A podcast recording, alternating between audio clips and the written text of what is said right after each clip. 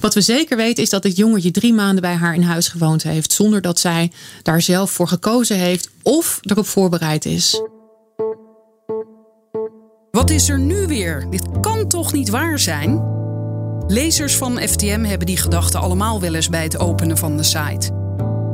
In deze podcast vertellen de auteurs over hun onderzoek en de achtergrond van hun verhaal. Frederik vraagt door. De podcast van Follow the Money. Rosanne Kropman, welkom in de podcast. Ja, dankjewel Frederik. Dit keer gaan we het hebben over een verhaal dat ik zelf notabene heb aangedragen. Want dat kwam mij ter oren via een vriendin. Die vertelde weer over een vriendin van haar. Zo'n idioot verhaal dat ik eerst dacht, nou, dit, dit, dit ja, want ze zei, je kan dat misschien voorleggen bij Follow the Money. Ik, ik dacht van, nou, ik kan daar toch die serieuze onderzoeksjournalisten hier niet mee lastigvallen, want die hebben het heel druk.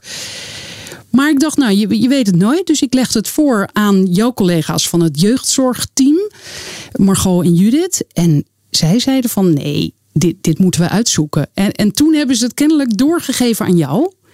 Ja, kwam op mijn bordje terecht. En het gaat over een lerares van een basisschool die plotseling een jongetje op de stoep kreeg. Of dat jongetje even bij haar kon blijven. Ja, ja. Zo kwam het ook bij mij terecht, inderdaad. En toen ik het voor het eerst hoorde, dacht ik, nou, dit kan niet kloppen. Hier, uh, hier, hier, dit kan niet waar zijn. Um, maar um, we hadden de, de, de naam en het nummer van um, deze juf gekregen. En ik heb haar gebeld en ik heb gevraagd: mag ik langskomen? En zij was eigenlijk blij dat ik uh, belde. Dus zij zei meteen ja. En toen ben ik uh, ja, bij haar op bezoek geweest om dit verhaal uh, te horen. En dat was eigenlijk hoe, hoe het begonnen is. Haar naam is Anne Ines Terwind. En zij is de remedial teacher um, van dit jongetje. In het verhaal heet hij uh, Michael. Dat is niet zijn echte naam, want wij willen natuurlijk zijn privacy beschermen. Um, zij was, voordat zij hem in huis kreeg, nog maar drie weken zijn bijlesjuf. Want dat is wat je doet als remedial teacher? Ja, je geeft bijles aan basisschoolkinderen die een beetje extra aandacht nodig hebben zij maakte zich eigenlijk ontzettend zorgen over, uh, over dit jongetje. Ze had wel een klik met hem, maar hij vertoonde ook uh, ja, eigenlijk atypisch gedrag voor een negenjarige. Zij omschreef het zelf eigenlijk zo van ik had te maken met een jongetje die um, zich soms gedroeg als een kleuter en soms gedroeg als een dertigjarige en alles ertussenin. En dat is gewoon voor een negenjarige heel gek. Um, je moet weten dat Michael ruim jaar niet meer bij zijn eigen ouders uh, woont. Hij, uh, zijn ouders hebben niet meer het gezag over hem. Wat betekent dat hij, maar ook zijn broertje en zusje uit huis geplaatst zijn. Om welke redenen? Ja, um, ik heb de rechtbankstukken daarover gelezen. En uh, de, de rechter zegt er eigenlijk over van dat hij en zijn broertje en zusje niet in een stabiele of veilige omgeving uh, opgroeiden. En dat het, dat de reden is dat zij uit huis geplaatst zijn. Er gaat natuurlijk een heleboel aan vooraf, maar dit is wat de rechter daarover oordeelt. Oké, en dat wist zij ook? Ja, zij wist dat hij um, uit huis geplaatst was. Ja. Dus misschien koppelde ze dat gedrag van hem uh, aan die situatie? Ja, zij wist dat, uh, dat hij uh, eigenlijk onder de hoede van pleegzorg was in Amsterdam. Ja. Oké, en toen? Nou, ze wilde eigenlijk weten wat er met hem aan de hand was. Want zij uh, was zijn bijlesjuf en dacht, nou ja, weet je, uh, wat extra handvaten zodat ik hem misschien wat beter zou kunnen helpen. Dat, um, dat uh, werkt misschien in het voordeel van dit, dit jochie. Dus op die manier um, kwam ze eigenlijk in contact met, um, met Level. En Level is Level is uh, een hele grote jeugdzorgorganisatie uh, in Amsterdam. En zij doen het merendeel van de pleegzorg in de hoofdstad. Wat, wat uh, Anines Terwind tegen mij zegt is dat zij gewoon een gesprek wilde met die pleegzorgorganisatie om het over Michael te hebben. Maar wat er nou precies in deze week gebeurd is, is voor mij eigenlijk ook gelijk een heel moeilijk punt geweest in dit onderzoek. Want hoe kan zo'n enorm misverstand nu ontstaan? Um, Zodanig dat, zeg ik nog maar even, dat jochie Michael van negen jaar bij haar opeens op de stoep stond omdat ze hem bij haar kwamen afleveren. Ja, dus dat er dus aan de ene kant van de lijn iemand denkt: ik ga het met een pleegzorgorganisatie hebben over wat er met een leerling aan de hand is. En dat dat aan de andere kant van de lijn verstaan wordt als: jij wil dit jongetje opvangen. Hoe dat precies verlopen is, daarvan heb ik alleen de, uh, het verhaal van Anne-Ines. Level heeft daar niet op willen reageren tot nu toe. Maar vlak voordat ik hier naar de studio kwam, kreeg ik nog een app van de crisiscommunicatiemanager die dit bedrijf hiervoor heeft ingehuurd. Om mij te zeggen dat er feitelijke onjuistheden in dit stuk staan. Dus wie weet gaan ze hier nog licht op werpen. Maar het zou ook kunnen dat dit gewoon een nieuwe mistbank is die zij opwerpen. Maar daar komen we misschien zo direct nog over te spreken. Ja, want deze opname is voor de publicatie van jouw stuk. De publicatie is over een paar dagen. Dus het kan zijn dat er, maar dat zal ik dan aan het eind van de podcast uh, plakken, als er iets heel anders wordt gezegd. Maar nu hebben we de situatie dat de remedial teacher, die uh, dat negenjarige jongetje drie weken onder haar hoede had, meer wilde weten over zijn toestand eigenlijk. En dan gaan we nu even een stukje laten horen uit jouw gesprek met haar. Um, je hoort jou ook verwoed uh, typen op de achtergrond. Want dit is natuurlijk eigenlijk helemaal niet gemaakt voor de podcast. Maar toch wel goed om even te horen. En ook om te horen dat deze vrouw echt bestaat. Ja, ze bestaat echt, ja. ja. Het is een dame van vlees en bloed. En we horen hier dat ze aan jou vertelt dat ze op de fiets zat en gebeld werd door de IB'er. En dat is dan de intern begeleider van haar school. Ja, ja, precies. En toen uh, zei, belde de IB'er. Ja, is het voor jou? Ik zei nee, ik zit op de fiets en uh, die vrouw van Level belt mij net en uh, die gaat dat ook al vragen of die vandaag mag komen. Uh, ik, ik, het kan helemaal niet. Hmm. Ja, hij moet acute noodsituatie, hij moet uit huis geplaatst. Ik oh. maar ja, ik zei nou ja, goed, ik heb nee gezegd, zei ik. Toen zei ze, nou wat gek. Ze zei dat, dat ze onderweg waren naar jou. Nou ja, ik dacht, hè, verder doorgefietst naar huis. Toen kwam ik thuis en toen belde de voogd. Had ik nog nooit gesproken. Ja. En, uh, en die, uh, die zei, ja, we gaan zo ophalen. Acute noodsituatie. Nee, acute, acute onveilige situatie, zei ze. Acute onveilige situatie. Ik, oh, ja, vervelend. Uh, ja, maar hij moet ergens heen en uh, we hebben begrepen dat jij interesse hebt. Ik zei, nou, nee, ik zou deze week een gesprek hebben over zijn wel en wee, omdat ik hem als remedial teacher heb. Mm -hmm. Ja, maar nou ja, nu dit en anders zit hij dus op de stretch op de noodopvang. Ik zei, wat is dat dan? Hè? Nou ja, gewoon dat hij niet in een huis is. Ik zei, nou ja, weet je wat?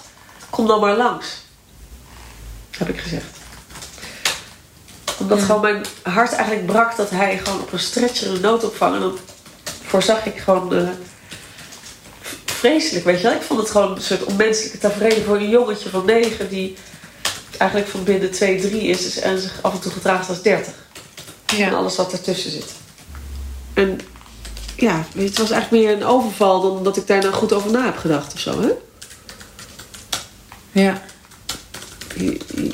Je, denkt op zo'n moment misschien even van, nou, ik help, ik help hem even uit de nood of zo. Dus ik weet niet wat. Er, ik denk dat ik ook, eerlijk gezegd, dat ik de eerste twee weken wel in shock was. Omdat het gewoon gebeurde en je, verwacht zoiets nooit. En je, omdat er een kind, het is een kind. Dus je wil dan voor hem zorgen dat het lijkt alsof er niks aan de hand is. Bij wijze van spreken? Je wil voor hem doen alsof het normaal is. Mm. Ja, ze was in shock, daar kan ik me iets bij voorstellen. En, en wat dacht zij op dat moment? Dat hij een nachtje zou blijven? Volgens mij heeft zij helemaal niet uh, de tijd gehad om te bedenken wat het zou worden.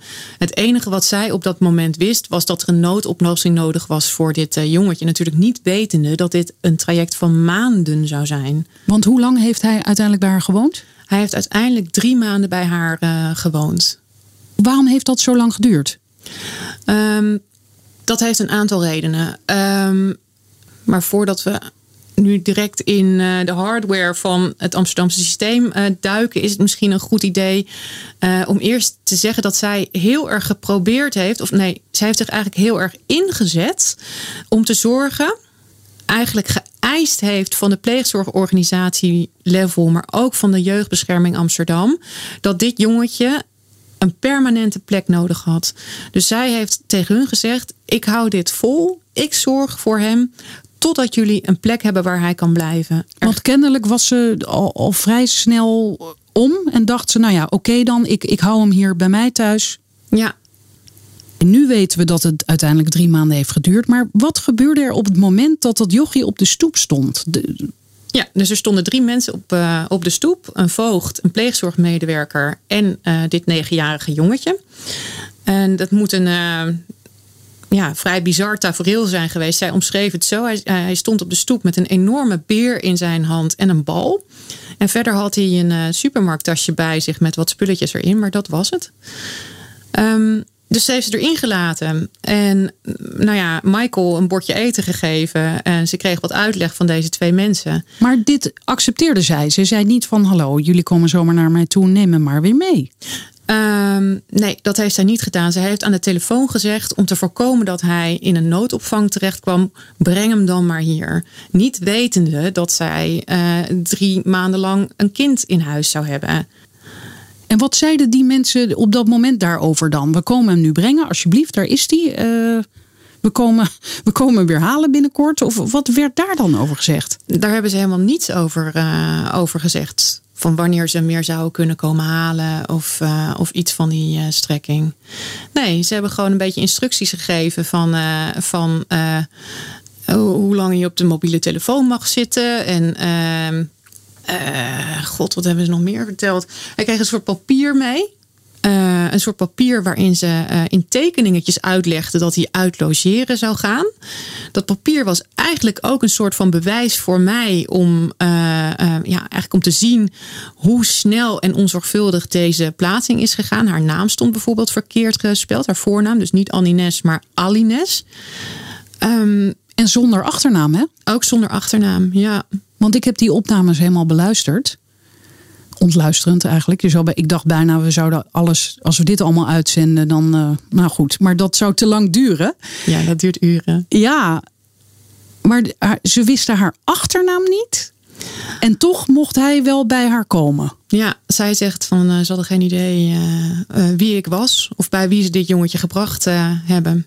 En toen heeft ze dus kennelijk gedacht: nou ja, laat hem dan maar hier zij heeft, terwijl zij dus in aantocht waren, dit drietal, heeft zij gezegd: Nou, breng hem dan maar hier. Want ik wil niet dat hij iedere nacht opnieuw verplaatst wordt uh, en op een stretcher in die noodopvang terecht uh, komt. Want dat is het beeld wat de voogd aan haar geschetst heeft vanuit die auto. En toen heeft ze gedacht: Ja, weet je, uh, doe hem dan maar hierheen. Maar ook wist ze dan bijvoorbeeld, want er wordt gezegd, uh, er werd tegen haar gezegd: het is een acute veiligheidssituatie, onveilige situatie. Ja. Wist ze daar dan iets over? Wat was er dan voorgevallen waardoor hij weg moest van zijn andere plek? En waarom kon hij dan wel zomaar bij haar komen? Nee, um, dit, dit is uh, een van de, van de dingen waar ik me enorm over verbaasd heb. Zij is niks van hem geweest. Hè? Geen officiële pleegouder, nada. Dus uh, deze organisaties hebben haar ook niets over dit jongetje verteld. Niet waarom hij op stel en sprong weg moest bij die pleegouders, maar ook niet wat voor kind het was, wat hij had meegemaakt. Dat heeft ze in die drie maanden eigenlijk bij elkaar gepuzzeld. Onder andere door wat Michael haar zelf verteld heeft, maar ook bijvoorbeeld door met zijn uh, biologische ouders te praten, door contact te zoeken met de advocaat van hun. Dus voor haar is het ook een soort van legpuzzel geweest van wat voor jochie heb ik nou in huis. Ze heeft ook contact gezocht met zijn ouders. Ja.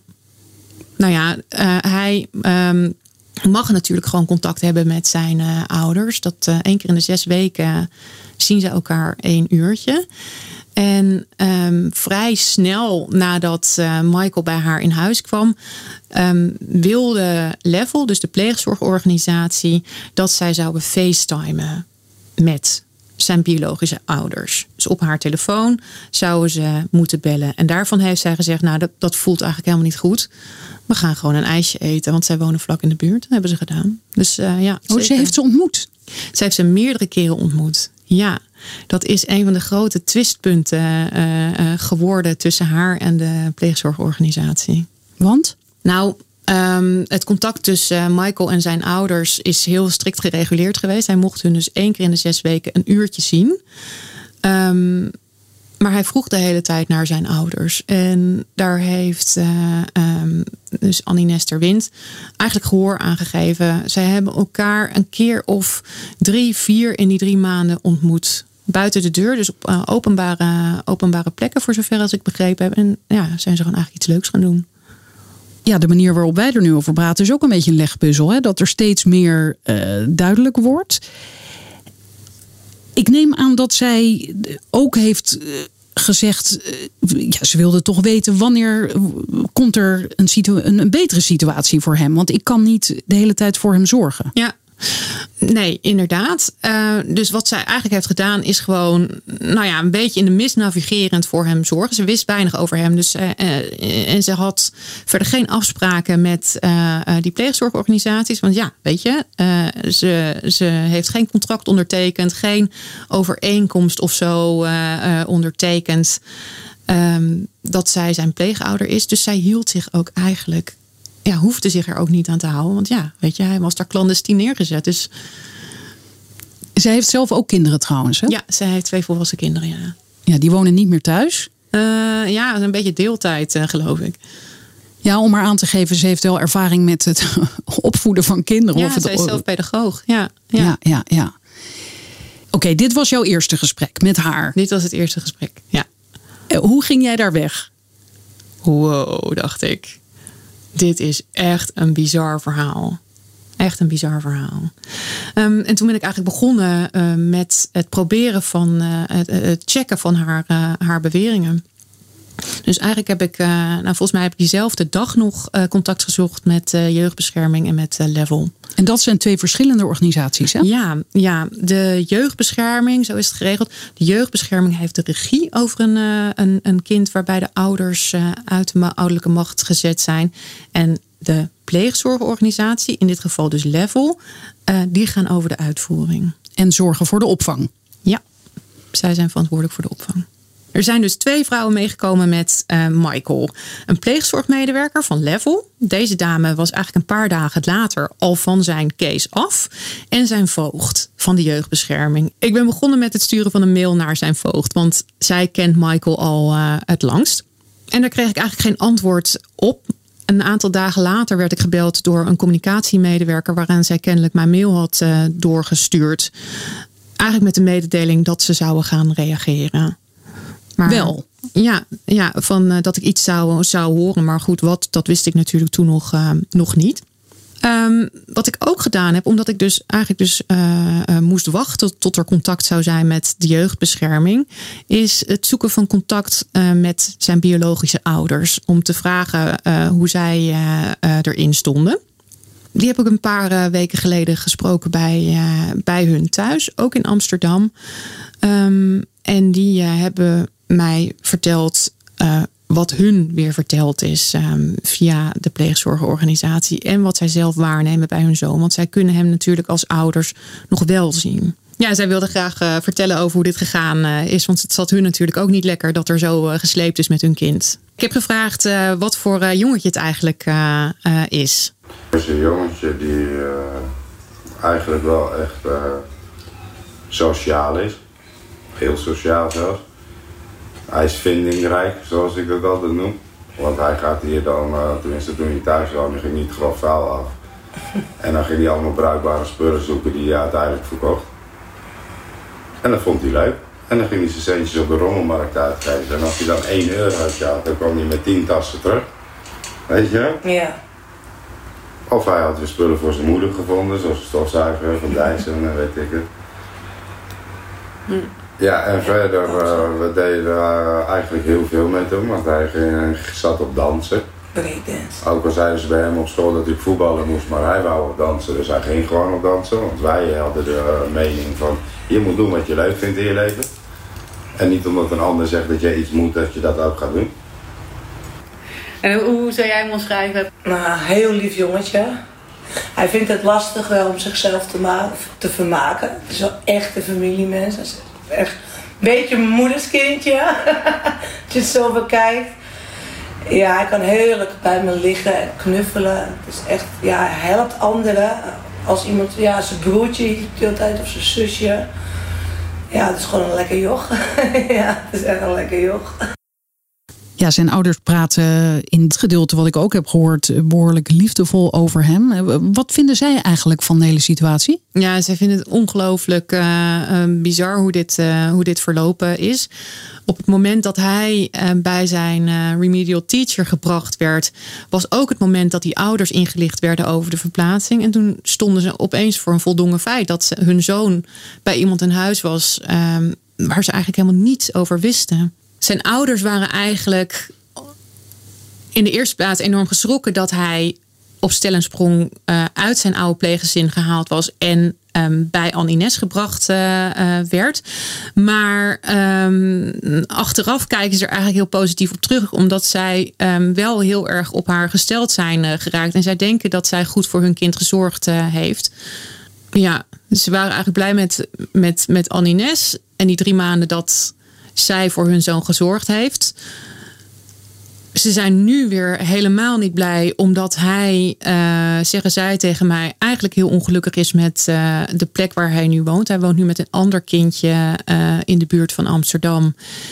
In een, um, ja, in een soort gezinshuis van level. En zijn moeder zegt tegen mij dat, dat hij dat daar echt verschrikkelijk vindt. In oktober gaan zijn ouders proberen om eigenlijk het ouderlijk gezag weer terug te krijgen. Dus dan staat er een, uh, uh, weer een nieuwe zitting gepland uh, bij de kinderrechter. Dus jij kreeg steeds meer informatie en uiteindelijk ben je ook op bezoek gegaan bij Level.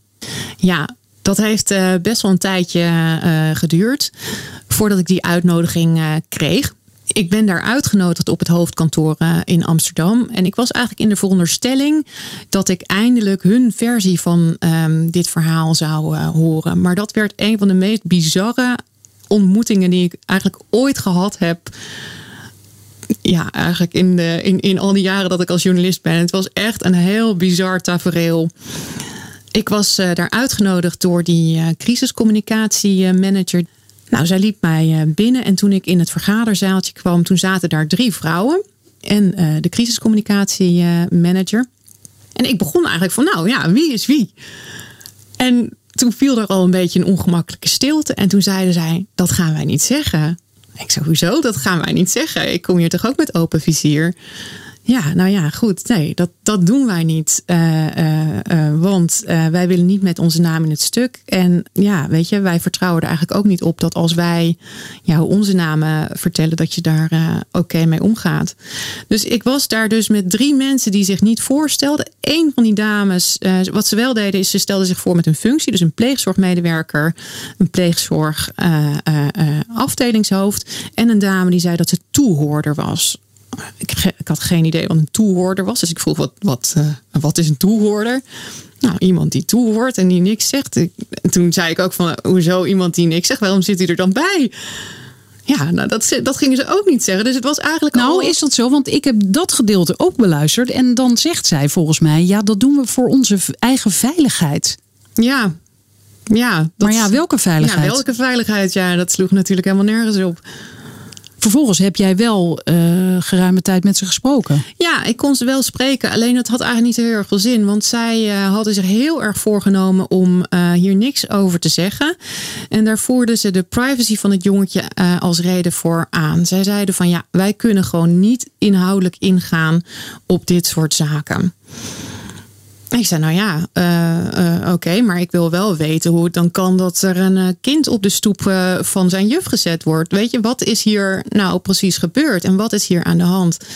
En nou, dat hebben ze eigenlijk het hele gesprek volgehouden om daar, om daar niets over te zeggen. Dus eigenlijk, ja, de conclusie was ook voor iedereen onbevredigend.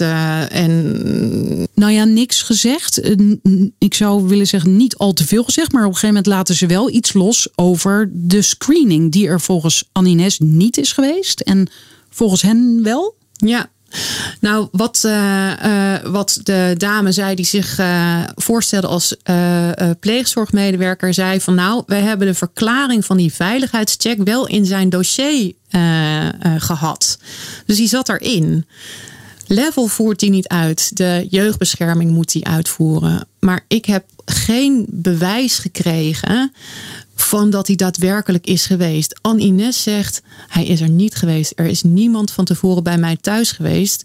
En dat is ook wel logisch, want zij vertelt dat hij volstrekt onverwachts op de stoep gezet werd.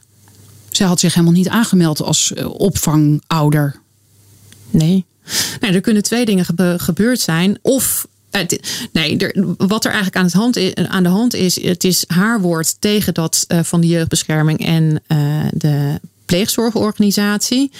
Wat ook heel goed zou kunnen, is dat uh, dit afgestempeld is als een, als een soort van hamerstuk in het dossier zonder dat die check daadwerkelijk is geweest. Dus dat de verklaring er wel in zit, maar dat de check niet gedaan is. Maar welke verklaring? Ja, het is een, ja, het is een soort. Het is een, het is een document dat zegt: deze plek is veilig. Je kan hier een kind brengen. Maar iemand zal dat dan moeten hebben opgesteld en of hebben verzonnen of. Ik weet niet hoe dit gegaan is. Nee. Nee, daar kom ik ook niet achter, denk ik. Maar het lijkt mij heel bizar dat je dit als, um, als, als, als gewoon ja, particulier verzint. Van, uh, uh, dat je zegt uh, van nee, ze zijn niet geweest terwijl ze wel geweest zijn. Dat lijkt me heel onwaarschijnlijk waarschijnlijker lijkt het mij, maar goed, ik zit hier nu te speculeren, dat dit zo op stel en sprong gebeurd is dat er ergens iemand op, uh, op, op een van die bureaus gedacht heeft: shit, er moet nog een eh, verklaring van veilige, uh, veilige plek in. Hop, uitprinten die handel en in het dossier. Dat zou, dat zou ook kunnen. Ja, zo van ze is remedial teacher, dat is een betrouwbaar iemand, dus dat kan wel. Ja, maar formeel moet je daarvoor langs. Nee, tuurlijk. In dat huis. Ja, weet je, je kan het niet zomaar uit je duim zuigen en vertrouwen dat iedere juf uh, dit, maar zo, uh, dit maar zo kan. Ja. Maar het is wel illustratief voor uh, hoe ik eigenlijk ook uh, door een vrij ingewikkeld uh, mijnenveld heb moeten, moeten navigeren. Met zo twee organisaties die eigenlijk een scheve schaats gereden hebben, maar die niets loslaten over waar het dan precies mis is gegaan. En waar ik ook eigenlijk mijn verhaal niet kan, kan, kan staven. Maar dan is het eigenlijk een wonder dat je wel langs kon komen. Nou ja, ik vroeg me een beetje af waarom dat in godsnaam moest, want we zijn ergens gekomen het was een surrealistische uh, meeting. Met, uh, met, met uh, drie mensen die gewoon hun naam niet eens zeiden. Echt, nou ja, ik kon er niet bij. Wat een wantrouwen. En kon je dan wel je stuk hierover maken? Want je wilt toch hoor en wederhoor doen? Ja, um, ja wat, ik, wat ik gedaan heb is opgeschreven wat Anines mij verteld heeft. Zij had het heel goed gedocumenteerd. Dus zij had al haar mails bewaard, maar ook allerlei aantekeningen gemaakt uh, van de gesprekken die zij gevoerd heeft. Dus zij had haar documentatie eigenlijk goed op orde. Ik kon het staven met de ouders en met de advocaat van, van die ouders. En dat ben ik gaan, uh, gaan doen. Als je dit verhaal hoort, dan vraag je dus eh, continu af: hoe kan dit? Hoe kan dit? En is er dan uh, nergens een goede plek voor deze jongen? En dat dacht, vroeg Anines zich ook af. En zij is ook nog zelf op zoek gegaan naar een beter huis voor hem. Hè? Ja, ja want bij Level schoot het eigenlijk niet op. Dat ging allemaal heel langzaam. Ze kreeg moeilijk contact met ze. Ze waren telkens niet aanwezig. Uh, uh, afspraken werden laat gemaakt. Dus zij is op een gegeven moment gaan denken van nou, ik ga zelf wel even kijken of er ergens een leuk gezinshuis is of een pleeggezin. Weet je, zij heeft gewoon zelf haar licht opgestoken bij allerlei jeugdzorgaanbieders uh, in het land. Niet wetende hoe dat Amsterdamse systeem in elkaar zit. Dus zij is op een gegeven moment in haar Fiatje um, met Michael naar de Glint gereden. Dat is een dorpje vlakbij Barneveld waar een heleboel uh, gezinshuizen zijn. En allerlei mogelijkheden om te sporten en een speciale school, eh, et cetera. En dus een zwembad. En daar zijn zij gaan zwemmen, want hij had net zijn A-diploma gehaald terwijl hij bij Anines woonde. Nou, ze zijn daar gaan zwemmen. Het leek ze wel wat. Um, maar toen Anines dat voorstelde bij uh, de jeugdbescherming, dus die de regie over Michael hebben, um, hoorden ze er eigenlijk helemaal niets op terug. En dat vond zij heel vreemd. Zij zei van, kan hij niet daar wonen in dat dorp? Ja, ja, en uh, nou, er bleken ook nog wel uh, plekken te zijn. Ze konden hem in ieder geval aanmelden. En dan kijken zij, weet je, er gaan natuurlijk een heleboel, uh, nou ja, checks overheen om te kijken of zo'n kind daar daadwerkelijk kan wonen. Maar goed, er, was, er waren plekken. En zij wilde eigenlijk dat traject ingaan om te kijken of hij daar zou, um, zou passen. Maar daar hoorden ze eigenlijk helemaal niets op terug. Maar zeiden ze niet daar in de glint van nee, hoe het hier werkt in Nederland is als je uit Amsterdam, het klinkt bijna als de vluchtelingen, als je het eerste land waar je je meldt, daar uh, moet je blijven. Als je dus onder jeugdbescherming staat in Amsterdam, dan kan je nergens anders heen. Ja, nee, Amsterdamse kinderen die vallen dus onder de verantwoordelijkheid van de gemeente Amsterdam. En het systeem wat Amsterdam hanteert is dat zij zaken doen met tien jeugdzorgorganisaties die specialistische jeugdhulp aanbieden. Pleeghulp in Michaels geval. Ehm, en die tien organisaties die krijgen een vast bedrag per jaar waar ze het voor moeten doen. Dus dat zijn dus Level plus nog negen andere? Ja, precies. Ehm, dat zijn de partijen die eigenlijk die zorg voor die kinderen uh, met elkaar moeten uh, regelen. Maar als zo'n kind ergens anders zou moeten wonen, moet in dit Amsterdamse systeem de jeugdzorgaanbieder waaraan dit kind is doorverwezen, dus level, eigenlijk opdraaien voor de kosten van de zorg voor dit jongetje. Want daar krijgen ze dus geld voor van de gemeente Amsterdam. Maar als zij zeggen, ja, die zorg gaan wij niet zelf leveren, wij willen dat door iemand anders laten uitvoeren, moeten ze dat wel zelf betalen. En Aha. Zij, ja. En hier komen we op het follow the money gedeelte. Ja, ja, ja, ja, want er is de, uh, ja, het is ook erg een money verhaal uiteindelijk waarom dit, uh, die plaatsing van uh, Michael niet goed is gegaan. Um, want het is wel een verklaring waarvoor de optie van de glint nooit onderzocht is. Want stel dat level de glint, eigenlijk de, de, de, de aanbieders, een van de aanbieders van de glint, in de arm zou uh, nemen om de zorg van Michael over te nemen, dan moet Level een stukje van dat geld wat zij van de gemeente krijgen aan hun geven om dit kind onder hun hoede te nemen, dit Amsterdamse kind. Maar ze hebben zelf ook gezinshuizen waar dit soort uh, uh, kinderen verzorgd kunnen worden. Dus dat doen ze gewoon niet zo snel, gewoon omdat het voor hun enorm duur is. En daarom zit hij nu uh, in ergens dichtbij Amsterdam. Want dat valt kennelijk ook nog onder de regio. Dat is wel een verklaring waarom hij nu zit waar hij zit, ja. Hé, hey, maar ik bedenk me nu opeens. Ik, ik hoorde ook in een van die gesprekken dat zijn zusje niet meer in Amsterdam woont. Dus hoe kan dat dan? Ja, klopt. Ik weet niet precies hoe dat uh, gegaan is. Maar de tien jeugdzorgaanbieders in Amsterdam hebben wel een soort escape. Op het moment dat het hun niet lukt om te plaatsen uh, binnen hun aanbod, dan kunnen ze uh, aan de gemeente vragen of ze extra budget vrij willen maken voor een plaatsing buiten de regio. Alleen voordat dat mogelijk is, moet je een heel overlegcircuit uh, uh, door om ja, toch niet te kijken of zo'n kind ergens anders terecht uh, kan, wel binnen de regio. Dus wel binnen het budget van de gemeente Amsterdam. Ja, dus bij zijn zusje is dat gebeurd, maar bij hem kan dat kennelijk niet. Nou, ik, ik weet niet of dat voor Michael geprobeerd is. Oké, okay, en nu woont Michael dus weer op een nieuwe plek. En zit hij eigenlijk nog op school bij Annines? Zien zij elkaar nog? Nee, dat is, uh, dat is een van de, van de dramatische dingen aan dit hele uh, verhaal. Annines heeft te horen gekregen dat zij Michael niet meer uh, mag zien. De redenen daarvoor zijn mij eerlijk gezegd een beetje onbekend.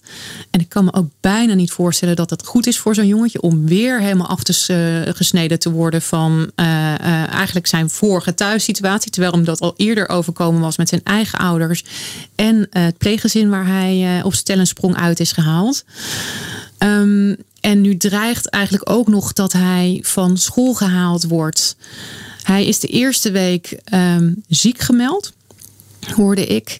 En het is eigenlijk onduidelijk of hij terug kan keren naar zijn oude school, omdat Anne Ines daar werkt. En ik hoorde van zijn moeder dat de jeugdbescherming eigenlijk bang is dat hij iedere keer zal proberen om naar, naar haar toe te gaan op die school, in plaats van dat hij braaf met het busje mee terug naar zijn um, ja, naar zijn tehuis gaat.